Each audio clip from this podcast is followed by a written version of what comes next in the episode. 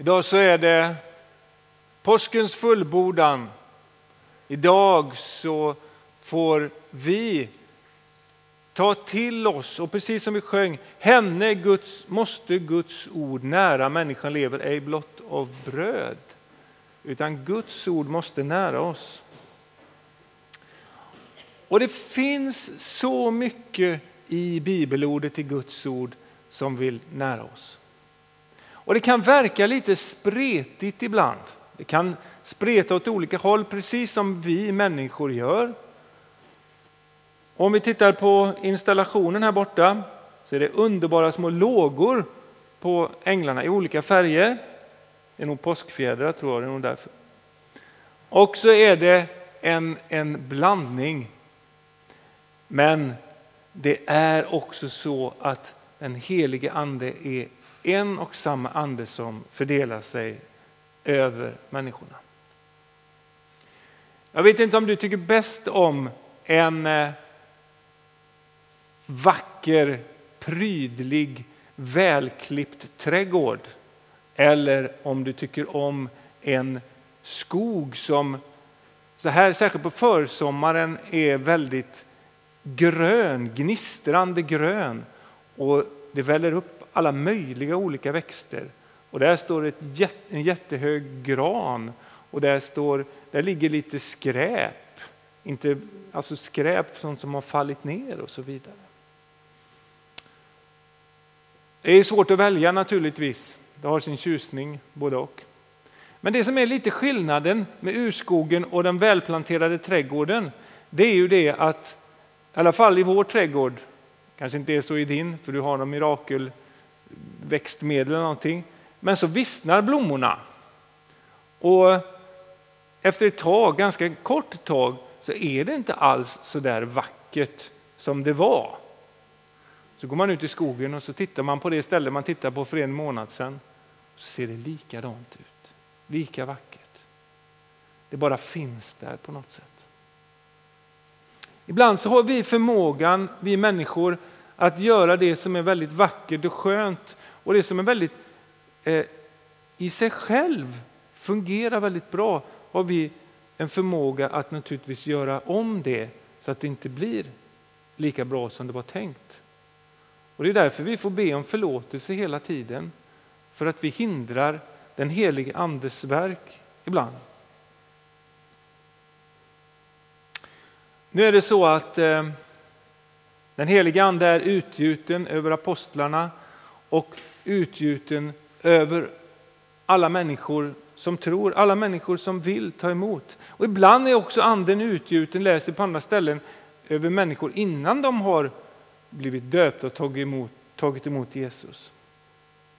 Men det som är ganska utmärkande om man ser i Bibeln och man ser i hela historien sedan kristen sen Jesus, det är att det talas, det förkunnas, evangeliet förkunnas, det vittnas om Jesus och då kommer tro. Då blir människor fyllda av anden. Därför är det viktigt att vi låter bibelordet, att vi låter Guds röst få ljuda mycket ibland oss och i vår värld. Den helige Ande fördelas över människorna.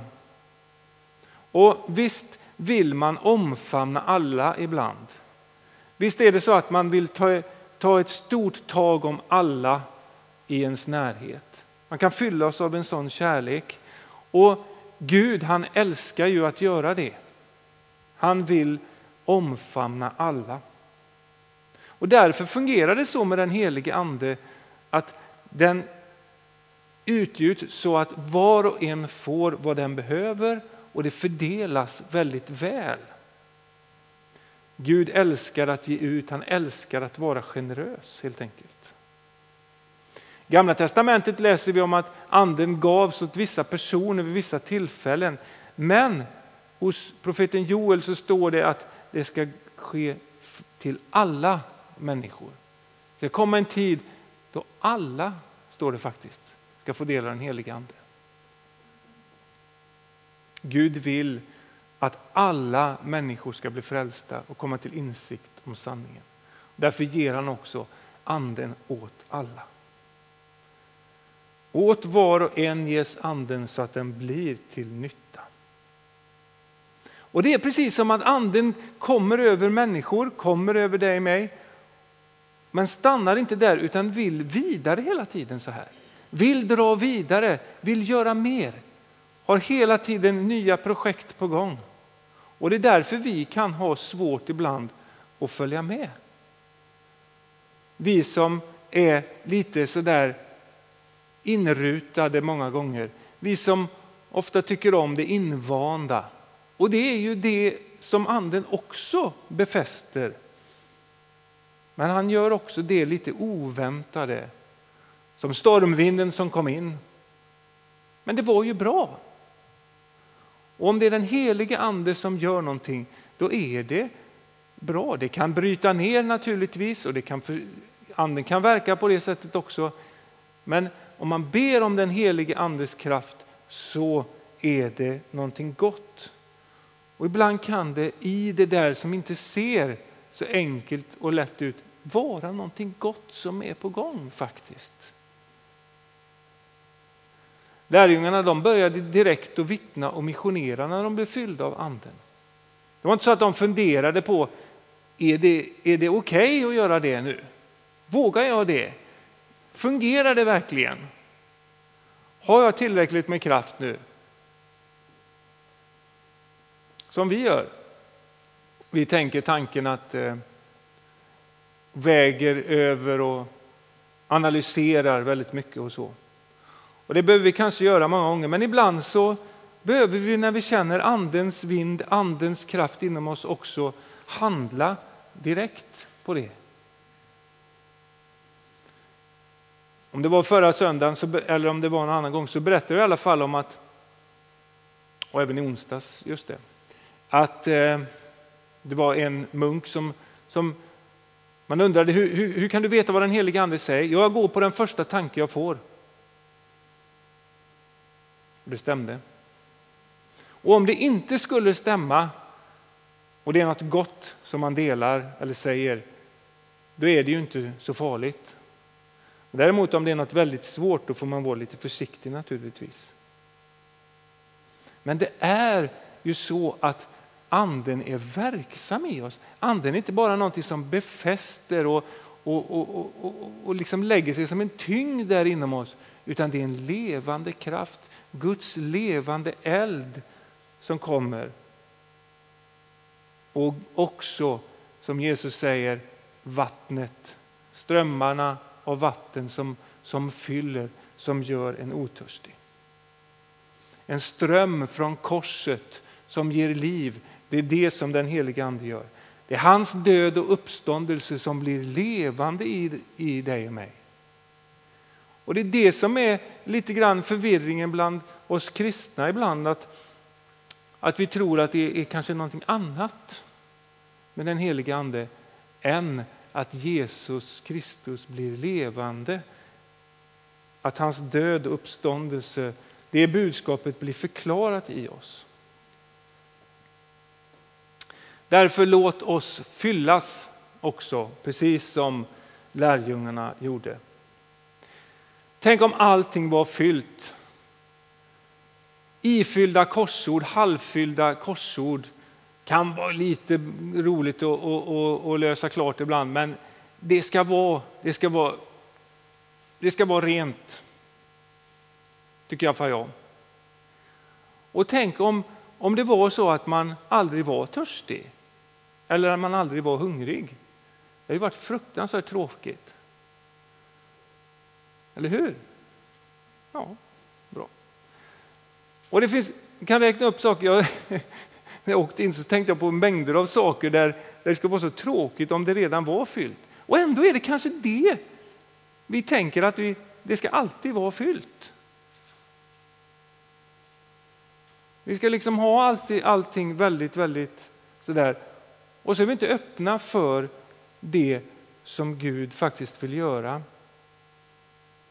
Han fyller det som är tomt.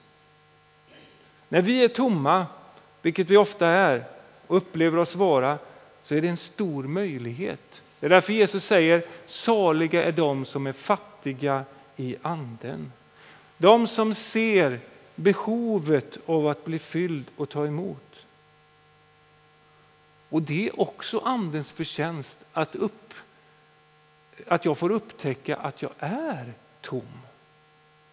För jag kanske tror att jag är full av liv. Jag kanske tror att jag eh, inte behöver, men när anden utforskar djupen inom mig så, så blir det så att jag blir, får erfarenhet av det. Att jag är tom. Därför behöver man inte vara rädd när det går genom ökentider i ens liv ibland. Då är det en början på någonting nytt.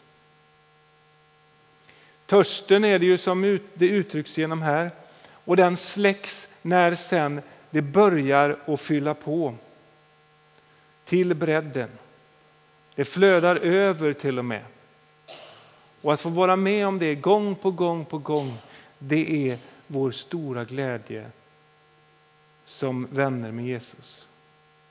Och då är det inte bara så att det blir någonting som flödar över, som rinner över så att det, man inte vet vad man ska göra av det, utan det infinner sig också en enorm frid inom oss var och en. En frid som man riktigt kan ta på. Jag vet inte om du har varit med om det någon gång.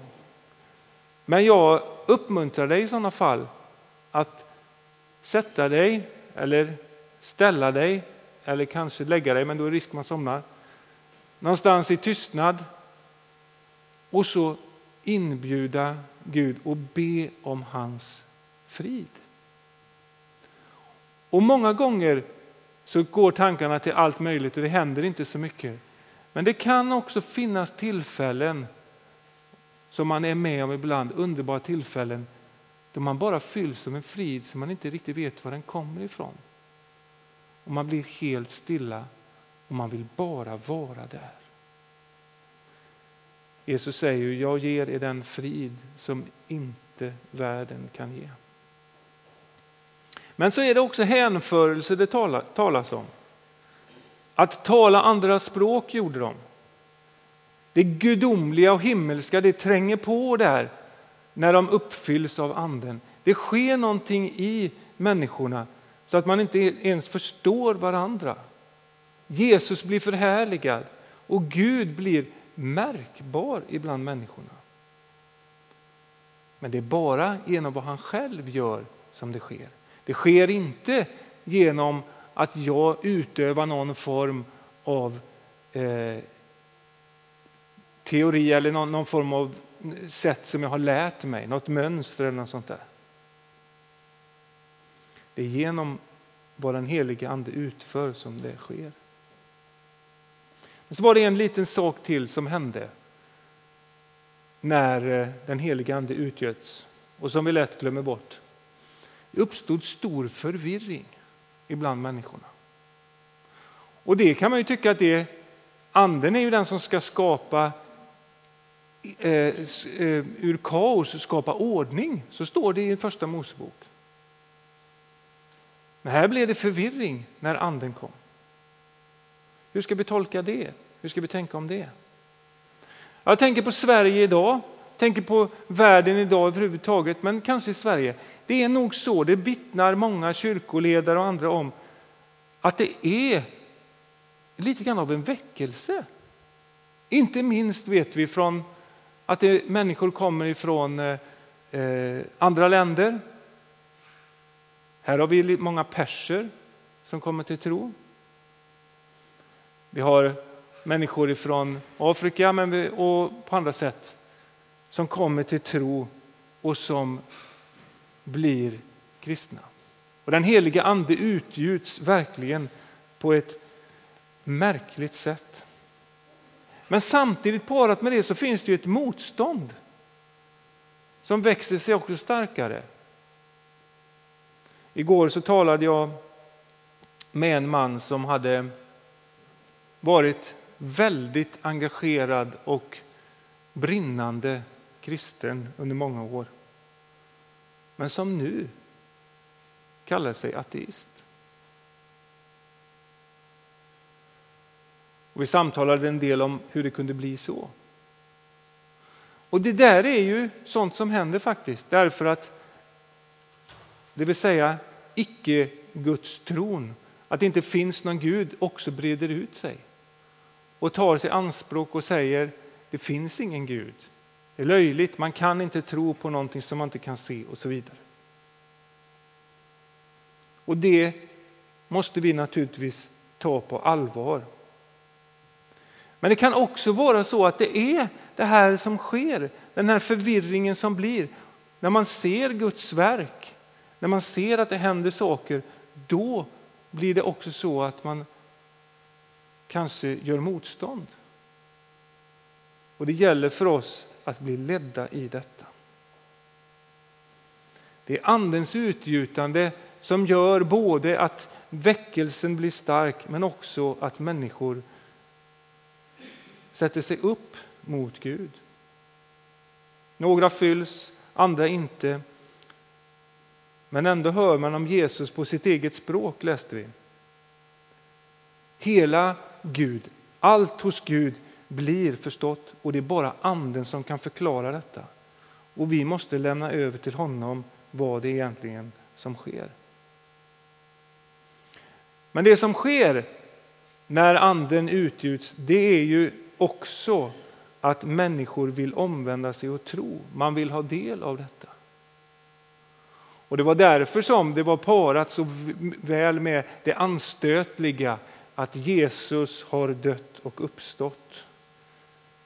Att andens utgjutande är parat med det, att missionen, att det som är exklusivt hos Jesus är parat med den här sköna närheten, uppfyllelsen av anden. Det får vi aldrig separera från varandra. Och det är därför som det är lite grann svårt ibland att vara kristen, att hålla ihop det. Men samtidigt försvinner likgiltigheten och apatin. Det som vi också brottas med, det som vi inte förstår oss på när anden utgjuts och när Jesus förkunnas. Jesus blir tydlig, syndakännedom och omvändelse kommer fram. Gud blir förhärligad, människan blir otörstig och tillfreds. Människan blir frälst. Så låt oss idag veta om att den helige ande fördelas över oss och kanske vill han uppfylla dig på ett nytt sätt. Kanske vill han göra något stort i dig. Och när vi ser andens verk i oss själva och runt om, då kan det ske på många olika sätt. Vi behöver inte vara rädda för att det kanske ger brytning och, och, och bekymmer ibland. Att några kanske faktiskt opponerar och tar avstånd när Jesus förkunnas eller blir, eh, när anden utgjuts. Men han har kontroll och resten av gudstjänsten ska vi be och vänta på att få bli fyllda av hans kraft. Ära vare Fadern och Sonen och den helige Ande.